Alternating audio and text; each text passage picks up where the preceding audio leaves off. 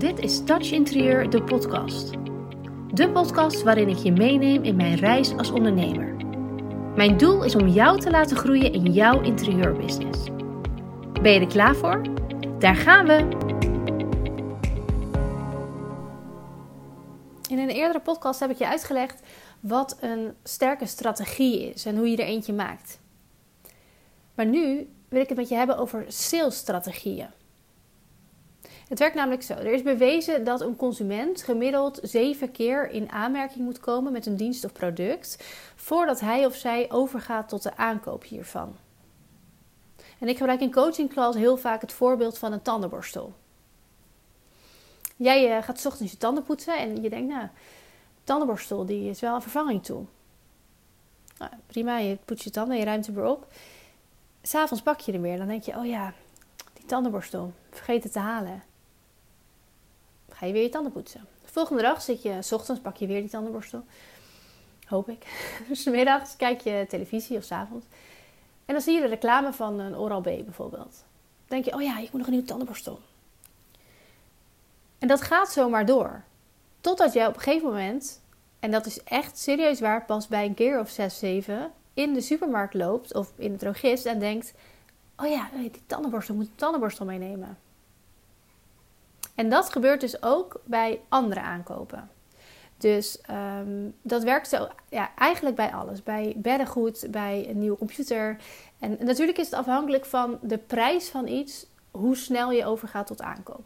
Als iets 3 euro kost, dan koop je het gewoon heel makkelijk. Uh, terwijl als iets 3000 euro kost, dan denk je er weer even wat langer over na.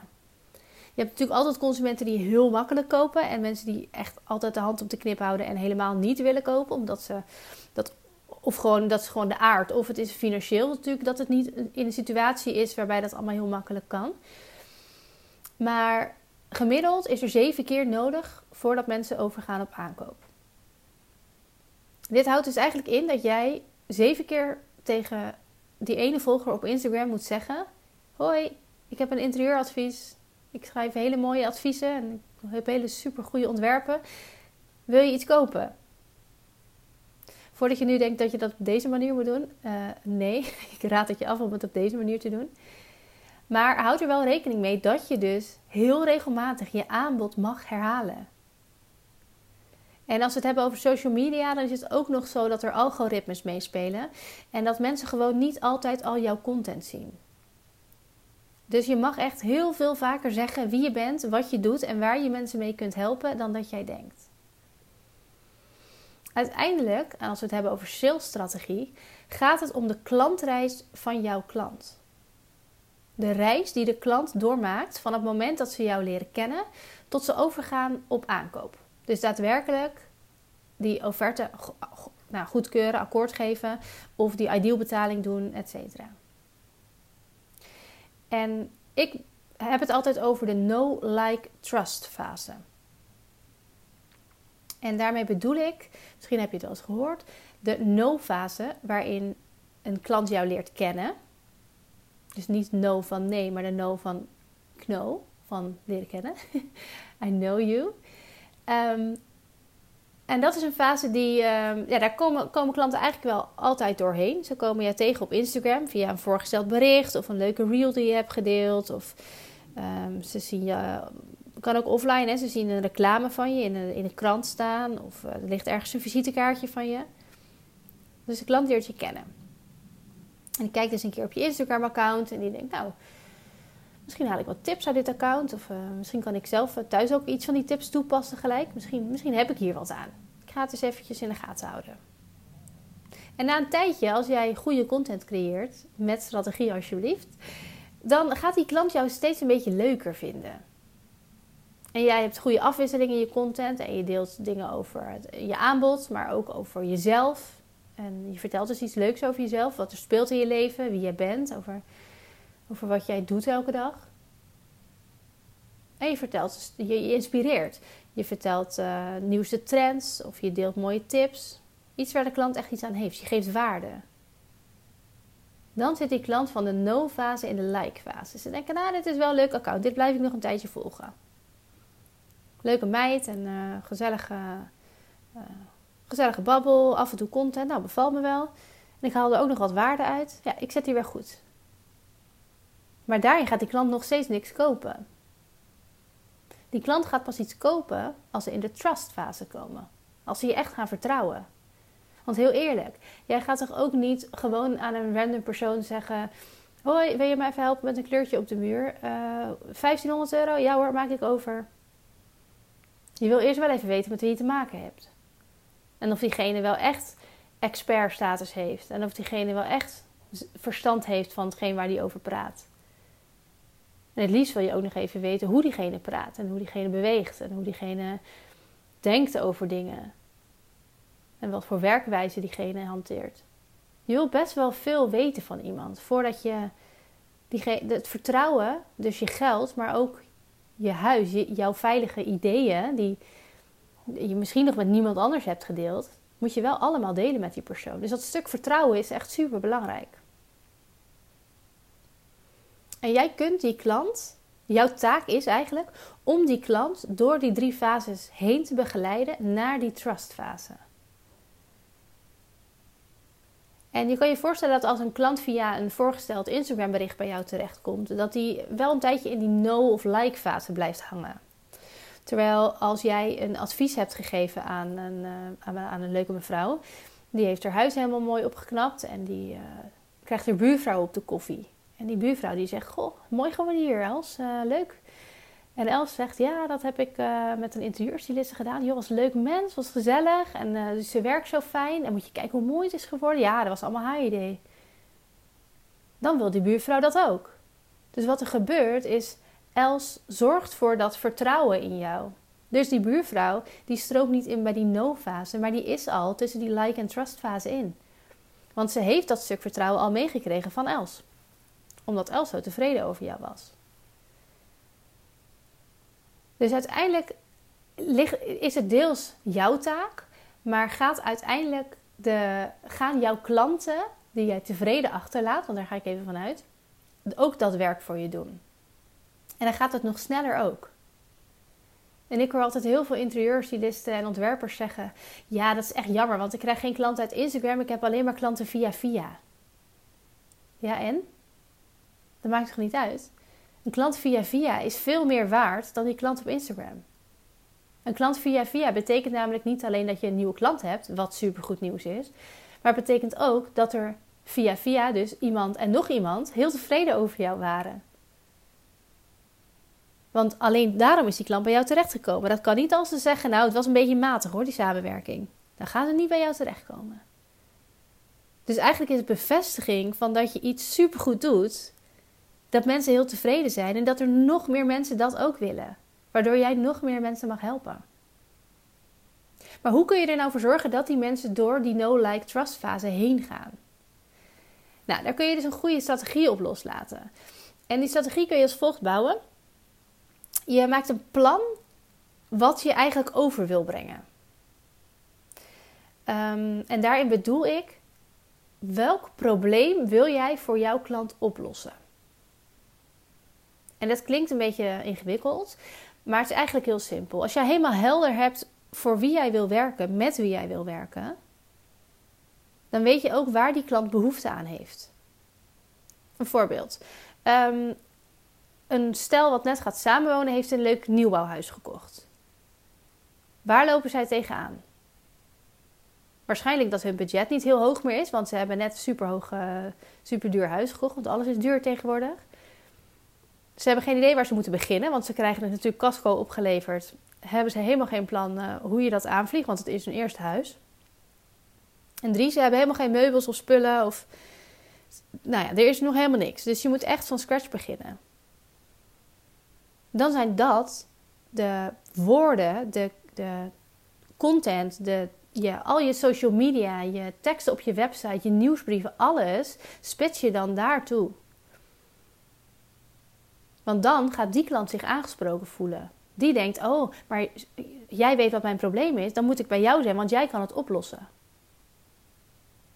Als jij wil werken met mensen die uh, jonge kinderen hebben, jonge gezinnen. Nou, wat zou het probleem zijn van jonge gezinnen? Die ouders zijn altijd moe. Daar kan je zelf even niks aan doen. Maar wat je wel kan doen, is orde in die chaos krijgen. Overal troep, speelgoed, herrie, rare kleuren van al dat lelijke speelgoed.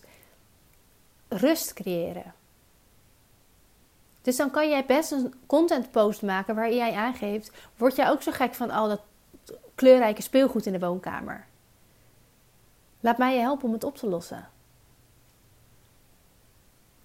En die mensen die zich daar aan ergeren, die, waarvan dat hun probleem is, die gaan aan op jouw post. Die voelen zich aangetrokken tot die post. En dus tot jou. En zij denken dus: oké, ik heb jou nodig, want jij weet hoe jij dit probleem kunt oplossen. Alsjeblieft, kom me helpen. Maar dan moet je dat wel aan durven geven. Dus het is super belangrijk dat je weet wie je aan wil spreken, wie jouw ideale klant is, met wie jij het allerliefst samen wil werken. En vanuit daar een aanbod neer gaat zetten. Waar zit die klant op te wachten? En als je dat aanbod hebt staan, ga je daar je social media strategie op aanpassen. Want dat gaat zorgen voor sales. En op het moment dat jij constant aangeeft: die troep in de woonkamer kan ik wegwerken, ik heb er plannen voor, ik weet het, ik heb daar ervaring mee, ik heb het thuis ook, ik weet hoe dit werkt, dan win je dat vertrouwen van die klant. En pas in die trustfase gaan ze kopen. En je kan natuurlijk, als je, een, uh, als je deze kennis in je achterhoofd hebt, met die drie fases waar klanten doorheen gaan, kun je bijvoorbeeld denken aan het inzetten van social media kanalen, het versturen van nieuwsbrieven, het verspreiden van flyers. Um, ga deelnemen aan een beurs, maar je kunt ook online of offline advertenties plaatsen. Mond-op-mond reclame, vraag om hulp als je. Uh, geef gewoon op elke verjaardag aan. Joh, ik ben interieurprofessional. Ik heb nog plek voor nieuwe klanten. Als je iemand weet die gaat verhuizen, verbouwen, vertel dat ik dit doe. Deel visitekaartjes uit. Bij mij heeft mijn hele familie altijd visitekaartjes in, mijn, hun jaszak van mij. Ga samenwerkingen aan. En je kunt niet op alles je invloed uitoefenen. Hè? Je kan niet, als mijn familie visitekaartjes heeft, betekent niet dat ze dat altijd aan iedereen geven. Dat is zo. Maar ik heb gedaan wat ik kan. En ik ga verder met wat ik wel kan, waar ik wel invloed op heb. En wat ik dan voor mezelf heel vaak doe, is een mindmap maken. En een mindmap is eigenlijk niets anders dan een papiertje waarop ik ga brainstormen over een bepaald onderwerp. En vervolgens ga ik daar een actieplan op loslaten. Dus ik schrijf bijvoorbeeld op, uh, op mijn papiertje salesstrategie. Dan ga ik daar omheen de dingen die ik net zei opschrijven. Dus een nieuwsbrief. Ik kan uh, offline advertenties, online, B2B samenwerkingen, flyers, social media, online advertenties. Nou ja, noem maar op. Dat ga ik allemaal opschrijven. En dan heb ik dus in het midden salesstrategie staan en daaromheen allemaal woorden. Ik zit er nu ook heel wild met mijn armen uit te beelden, maar dat zie je niet. maar ik probeer het duidelijk uit te leggen. Wat ik daarna ga doen is ik pak twee pennen of potloden of stiften met in ieder geval twee verschillende kleurtjes. En wat ik dan ga doen is ik ga met bijvoorbeeld groen alles omcirkelen wat ik makkelijk kan realiseren. Dus ik kan bijvoorbeeld makkelijk om hulp vragen, want ik kan even een appje sturen naar eh, een oude klant of naar familie. En ik ga met een rode stift bijvoorbeeld alles omcirkelen wat snel resultaat oplevert. Dus als jij bijvoorbeeld kiest voor um, social media, gaat dat makkelijk? Weet ik niet, dat is een beetje afhankelijk van jou. Levert het snel resultaat op? Kan best snel resultaat opleveren.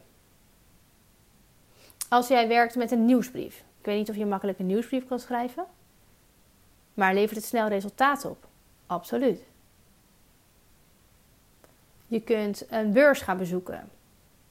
Maar kun je snel een beurs bezoeken? Nou, dat kan als het in de nabije toekomst is. Levert het snel resultaten op? Nou, weet ik niet. En zo kun je die hele mindmap, elk woord ehm, doornemen en kijken of dat snel of makkelijk kan. En als er een woord is wat, wat, snel, ehm, wat snel resultaat oplevert en makkelijk te realiseren is, dan is dat jouw actiepunt. Dan is dat hetgeen waar jij vandaag nog mee aan de slag kan gaan. Want uiteindelijk ben jij degene die in actie komt om resultaten te gaan behalen. En je kunt weken bezig zijn met het ontwerpen van een mooie flyer. Maar als die flyer je niet snel resultaten gaat opleveren, het is by the way niet makkelijk om te maken, dan is het het niet waard. Dan is er nu op dit moment een ander actiepunt, een ander idee op deze brainstorm mindmap die jouw aandacht vereist. Dus ga eens kritisch kijken naar wat bijdraagt aan klanten naar die trustfase te krijgen. En hoe kun je dat het best doen? En ga daar eens een mindmap over maken. Wat is het probleem van jouw klant? Hoe ga jij ervoor zorgen dat die klant het vertrouwen in jou krijgt dat jij hun probleem mag oplossen? Want als je dat helder hebt en als je dat kunt uitstralen, dan heb je goud in handen. Dan gaan die sales op gang komen. Super bedankt voor het luisteren naar deze podcast. Vergeet niet te connecten op Instagram als je dat nog niet hebt gedaan. En je mag altijd nog even verder kletsen over dit onderwerp. Ik ben heel benieuwd wat je van de aflevering vond. Stuur me een DM, plan een vrijblijvende kennismaking in of stuur een e-mail naar info@touchinterieur.nl. Let's get in touch.